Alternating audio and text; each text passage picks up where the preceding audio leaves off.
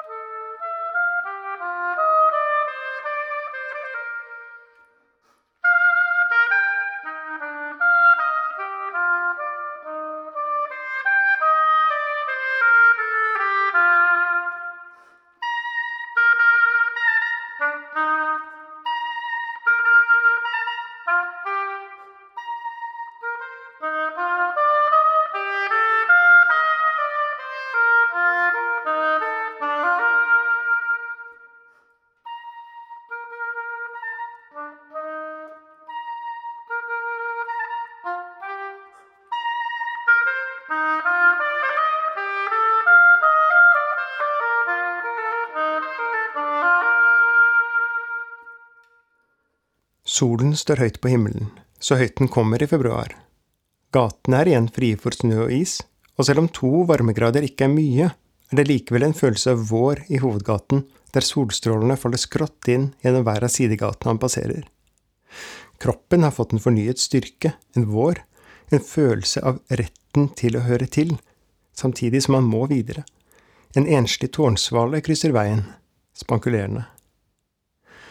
Han kommer til en kryssende bilvei, nøler et øyeblikk og går til venstre, så til høyre igjen, forbi fiskehandleren og videre langs vannet, så til venstre ved første mulighet til å komme over kanalen.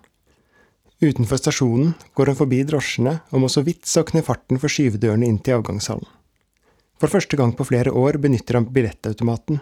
Han kjøper to, én nordover og én sørover, begge til togets endestasjon.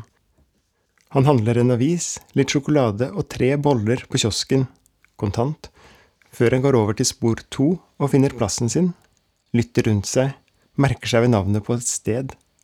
Telefonen, som er ny og med kontantkort, skrur han av. Diesellokomotivet drar togsettet langsomt i gang, og i moderat fart legger de byen bak seg, alle de små lokaltogstasjonene dette toget ikke stanser ved. Så øker farten og etter noen stopp går jordbruksland over i skog, en endeløs skog. Små tunneler, et og annet vann. Noen ganger ser han veien hvor bilene holder samme fart som toget. De er ikke mange i vognen. En mor og et lite barn, som hadde sagt et stedsnavn før avreise, en mann på hans egen alder som reiser alene, og to studenter. De er muligens et par. Mange timer senere tar han bagen med seg ut av toget og ser det fortsette videre nordover uten ham. Dag har blitt ettermiddag og kveld. Han står alene på stasjonen og ser seg rundt en stund før han går innover mot det som må være et sentrum. Et større kompleks bygget i tilknytning til et eldre hvitt bygg bærer logoen til en av de store hotellkjedene, i tillegg til navnet på det som må være den gården som det hele startet med. Han går gjennom to sett med dører og finner resepsjonen sammen med restauranten til venstre for inngangen, i den gamle delen av bygget. Liggende påkledd på det hvite sengetøyet blar han seg gjennom avisen en gang til. NASA har landet på Mars. Amerikanerne har sendt opp en bil, selvfølgelig måtte det være bil, for å markere revir og lete etter liv, eller rettere sagt restene etter liv, rester av liv i rester av vann.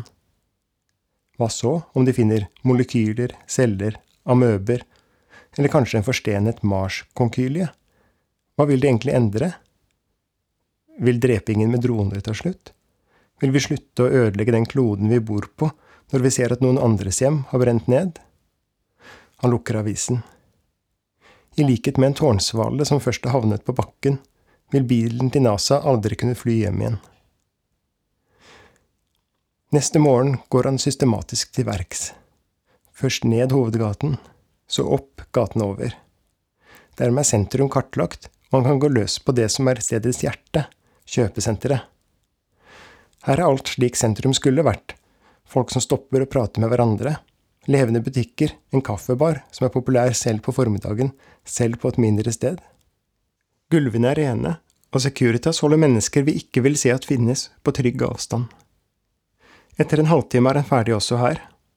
Han har snakket med ett menneske, og levert fra seg en av de sammenstiftede bunkene med papir han hadde skrevet ut på biblioteket dagen før. Neste stopp ligger lenger bort i gaten, litt ut av selve sentrum. Han blir raskt ekspedert, og samtaler igjen, nå i nesten en time. Etter å ha levert fra seg den andre av bunkene, skriver han under på et papir og takker for møtet. Navnetrekket ser klosset ut. Ikke ring oss, vi ringer deg.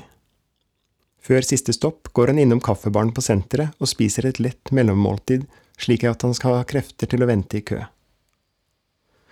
Kontoret ligger litt høyere opp i det forlatte systemet av gågater, og det er som ventet ventetid.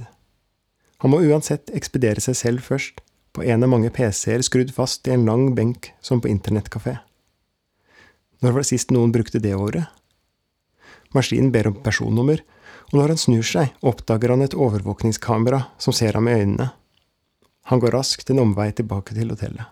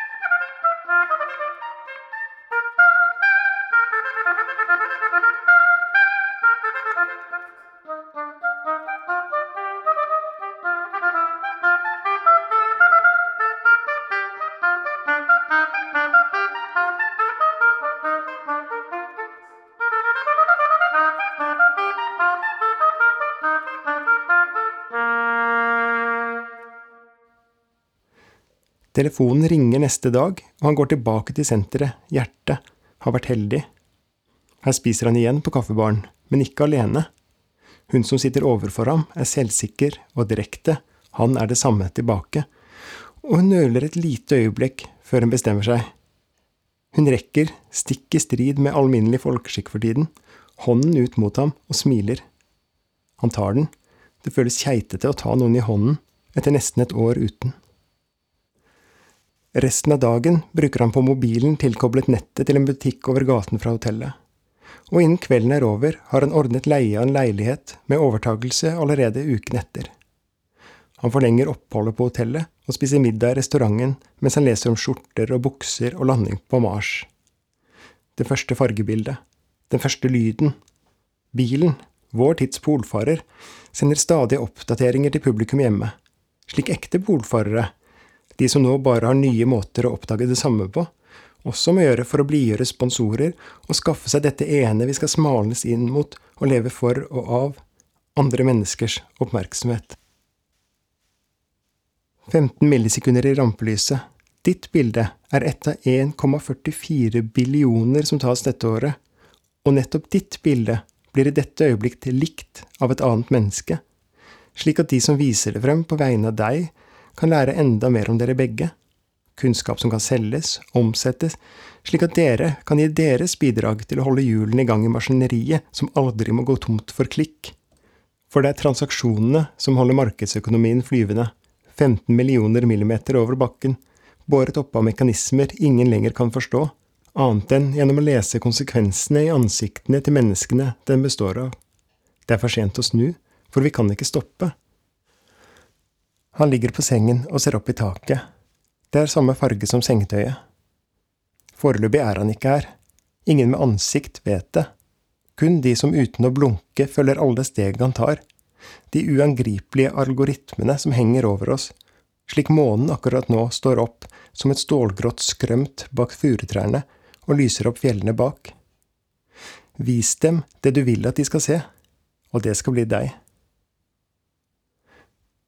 Skulle det ikke vært verre? Hvor er motstanden? Avvisningene? Han stavrer seg ut av sengen, ett ben sover, kikker ut av vinduet etter tegn på liv, ser bare rester.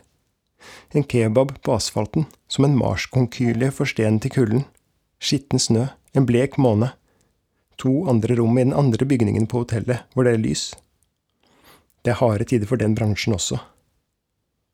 Får man virkelig jobb på dagen, uten relevant erfaring? Neste dag er han rett etter frokost tilbake på kaffebaren. Setter seg ved det samme bordet som de hadde sittet ved dagen før. Gav hun ham hånden? I offentlighet, under en pandemi? Han kjenner ikke noen av menneskene her. Bestiller en pai nå også, en svart kaffe, og pai med feta og spinat. Du kan gjerne varme den for meg. De har ikke pai. NASA har landet på Mars, en bil. Historikken i nettleseren har skjorter og bukser. Men senteret har ingen klesbutikk. Lenger bort i gaten er det en rørleggerforretning der bemanningsbyrået lå dagen før. Han går tilbake til Nav. Overvåkningskamera ser ham i øynene idet han kommer inn. Et stykke ute i sjøen står en mann med vann til over knærne. Som forstenet ser han utover en øde fjord. Hodet ruver flere meter over vannflaten. En imitasjon av liv. En havmann med ryggen til sivilisasjonen. Tre fugler sitter og speider utover, ser etter tegn til liv. Liv i vann. Én sitter på hodet, de andre to på skuldrene. Ingen av dem er tårnsvaler. Han går tilbake til stasjonen med bagen i høyre hånd.